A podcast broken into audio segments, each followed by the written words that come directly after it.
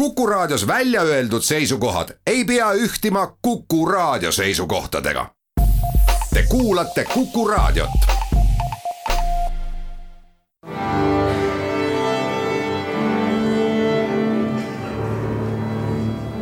daamid ja härrad, Eesti Kontserdi saade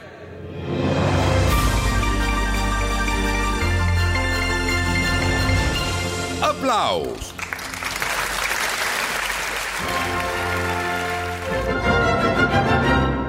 Tere kõigile, aplaus on eetris, mina olen Lauri Aav ja tuleb täiesti teistsugune saade, sest ümbritsev olukord on ka teistsugune, mistõttu ei saa siin tegeleda sellega, et mahutada lühikeste saateminutite sisse info kõigist järgmise kahe nädala jooksul tulevatest kontsertidest. Neid ei tule lihtsalt. seekord on veel niimoodi, aga küll varsti läheb paremaks. aga ega muusika maailmast otsa pole saanud. kodukontserdid on tänase saate teema ja Eesti Kontsert on koostöös Klassikaraadioga riputanud netti terve hulga lähemas ja kaugemas minevikus Estonia kontserdisaalis toimunud seal salvestatud kontserte, mida nüüd siis Eesti Kontserdi sotsiaalmeedia lehelt millal iganes kuulama pääseb. teen tänase saate jooksul lühiülevaate mõningatest sealt nimekirjast silma hakanud kontsertidest ja püüan asja ilmestada jutulõikudega, mida siis kunagi nende kontsertidega seoses Kuku raadio saate jaoks tegijatega oleme koos pidanud Martin Kuusmann ja Kristjan Randalu, Winterreise julged ja omapärased seaded ajatust klassikast, ehk siis Kristjan Randalu pisut džässilik versioon Franz Schuberti vokaaltsüklist Talvine teekond seatuna fagotile ja klaverile. kontsert toimus kahekümne esimesel novembril ja läinud sügisel käisin Martini ja Kristjaniga rääkimas Nõmme muusikakooli saalis, kui nad üle hästi pika aja esimest korda taas kokku olid saanud ei, tegelikult me alles saimegi niimoodi kokku, et noh, et ka suhtlesime, oli New Yorgis aga siis sa ei elanud enam New Yorgis, sa lihtsalt, sa, sa Oota, tulid sinna. ei, me ei teinudki midagi, me saime kokku, sa olid New Yorgis ja. ah, on täitsa õige, jaa, jaa. hiljem tuli juba Absolute Ensemble ja Kristjan Randal. paar aastat hiljem, sellepärast et no ma Kristjan Järviga ei olnud ka isiklikult niimoodi noh, kohtunud või ütleme, ta ei, ta ei teadnud, mis ma teen ja siis ma, siis Martin vist kuidagi selgi-, selgitas Kristjanile ka, et ma mängin klaverit. milline on muusikaelu hetkel Ameerikas või Saksamaal? no üldiselt äh mures ollakse palju, ütleme Ameerikas äh, on, on raskem, sest ütleme, sellised suured kollektiivid nagu New York Philharmonikud ja Metropolitan Opera, kui nemad saavad äh, palka, mis on abiraha juba kuid ja paljud orkestrid lähevad, kaovad lihtsalt ära, selles pole kahtlust. aga samas äh, visamad ja suuremad jäävad alles ja ma olen kindel, et elu läheb edasi. aga noh, Ameerikas Saksamaal on, on nad riigi poolt rohkem toetatud, Kristjan teab seda paremini mm. -hmm. no Saksamaal, ähm, no üleüldse Euroopas praegu lihtsalt konkreetselt novembrikuu otsustas Saksamaa kõik avalikud üritused äh, lihtsalt ära keelata mis tekitab minus natukene vastakaid tundeid, et lennukit võib välja müüa, aga kontserdil ei tohi isegi istuda mingi paarimeetrise vahega, nii et, et sealt kerkivad väga mitmed põhimõttelised küsimused, et mis on ühiskonna siis noh, prioriteedid ja väärtushinnangud ka ja mis, mis on tähtis et olete pikalt planeeritud, aga juhuse tahtel jõudnud koju, mis on üks vähestest kohtadest maailmas, kus praegu saab kontserte teha? minu ainsad kontserdid ainsad kontserdid sel aastal, mul oli üle neljakümne planeeritud, kõik oli kindel ja ainsad kontserdid, mis on, on Eestis, oma kodus, oma kodumaal ja see ongi kõik, jaa. eksklusiivne. eksklusiivne, jaa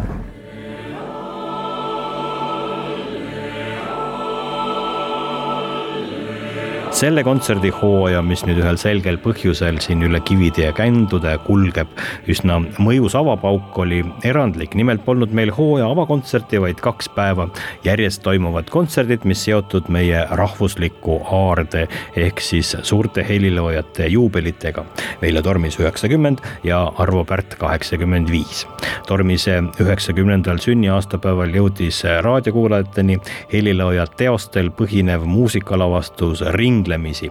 Eesti Filharmoonia Kammerkoori juhatas Kaspar Sputnitš ja loo vestja oli Liisi Koikson ja kontsert toimus Estonia kontserdisaalis kahekümne neljandal septembril läinud aastal. Ja rääkisin enne kontserti selle etenduse lavastaja Teet Kasega. Ringlemisi kuidagi me otsisime nagu sellist äh, sõnastust sellele tundele, mis, mis tekkis, kui me Tormise materjaliga te tegelesime. Ja me otsisime nagu, et, et mis asi see on, kas ta on kontsertetendus või, või, või ja siis me leidsime nagu muusikalavastus, mis mulle tundus, et see nagu oli kõige lähemal sellele, mida me tahame nagu puudutada. Ja siis tuligi need hõimud, kes siin selles geograafilises asendis on paiknenud, soome-ugrilased ja eestlased, nad, nende käitumine, nende ellujäämine oli ja on seotud suurelt loodusnähtustega sellises geograafilises asendis äh, väga konkreetsete nelja aasta ajaga. kui on neli aasta aega, siis inimene, äh, talle instinkt ellu jääda äh, paneb teda otsima, paneb teda jälgima loodust, sest loodus on võimas, mis mõjutab teda, vastavalt sellele tuleb ka inimesel mingid käitumise mustrid ja siis siit juba, juba järgmised näiteks, et, et kevadel on tärkamine, suvel on tegutsemise aeg sügis on küpsemise aeg ta,, talv on siis selline raugemise ja kokkuvõtete tegemine ja, ja mõtiskluse ja sisemaailma kaemuste aeg. ja siit nagu tekkis järgmine kiht, et see on nagu inimene, et sünnib, kasvab, tegutseb ja siis annab edasi ja hääbub ühesõnaga järgmine ring läheb lahti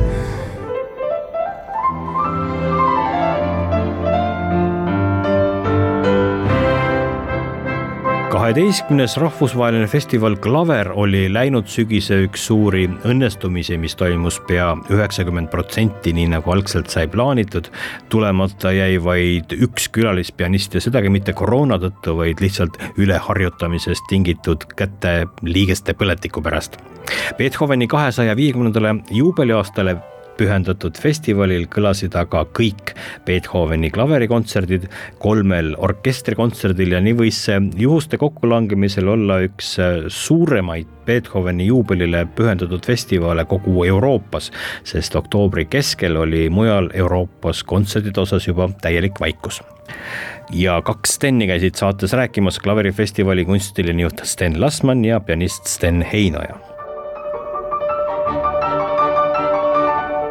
mul on hea võimalus küsida, et kui me kunagi mõtlesime välja, et me pühendame klaverifestivali Beethovenile ja, ja Beethoveni eh, kõik klaverikontserdid esitame festivali jooksul Eesti pianistide poolt, siis eh, kuidas see valik toimus, kas sa oled selle valikuga nüüd lõpuks nagu õnnelik ja rahul ja kas kõik pianistid on rahul, et, kes millist kontserti mängib?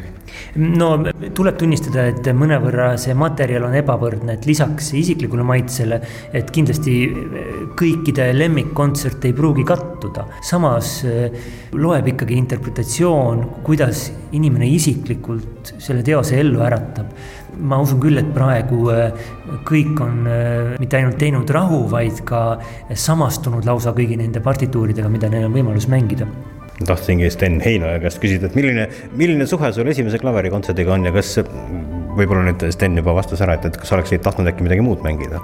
tegelikult üldse ei oleks tahtnud midagi muud mängida, ma mäletan, kui Sten mu juurde selle jutuga tuli ja ütles, et neljas kontsert ei ole üldse aktuaalne, et sa võid valida ülejäänud ülejäänud äh, valikute vahel. ja siis ma mõtlesin ja ma tegelikult see esimene kontsert on mulle alati väga-väga sümpatiseerinud no Beethoven kirjutas esimese kontserdi kahekümne viie aastaselt, neljanda kontserdi kolmekümne viie aastaselt, vaadates solistidele otsa, ma näen siin mingit sellist teatavat tasakaalu no võib nii öelda küll tegelikult jah.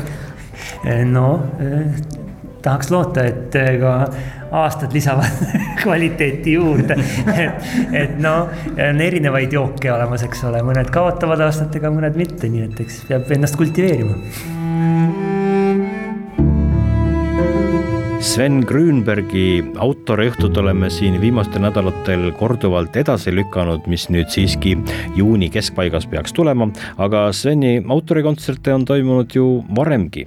Kahe tuhande üheksateistkümnenda aasta üheksateistkümnendal jaanuaril oli kontsert pealkirjaga Jäljed sinu sees ja kontserdi eripäraks oli see, et kõlas ainult akustiline muusika, ei mingit elektroonikat. Vox Clamantis ja Tallinna Kammerorkester dirigeeris Jaanik Tulve ja laval oli ka Sven Grünberg ise mulle meeldivad pealkirjad, mis ei ole väga osutavad.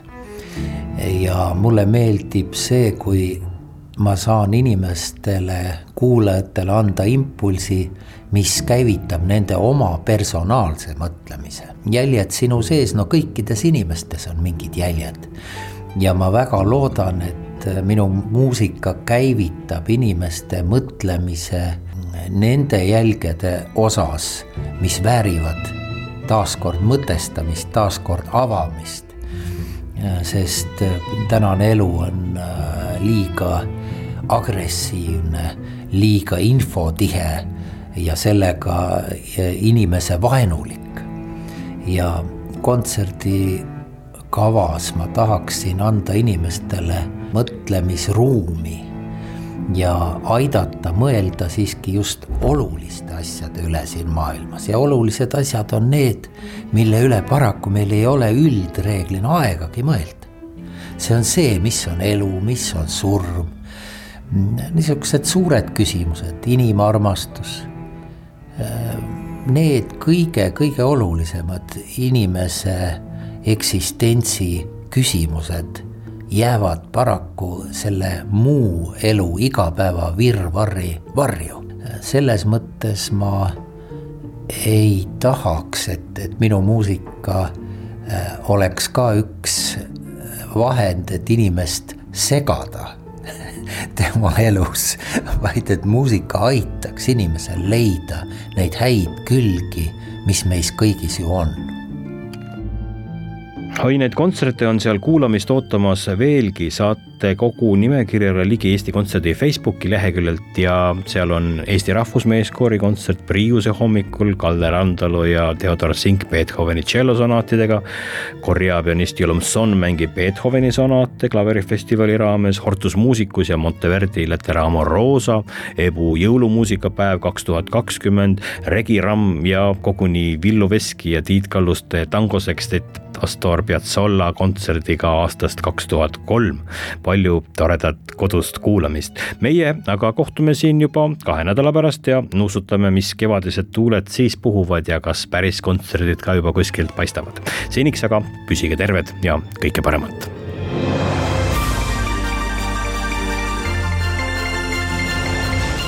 aplaus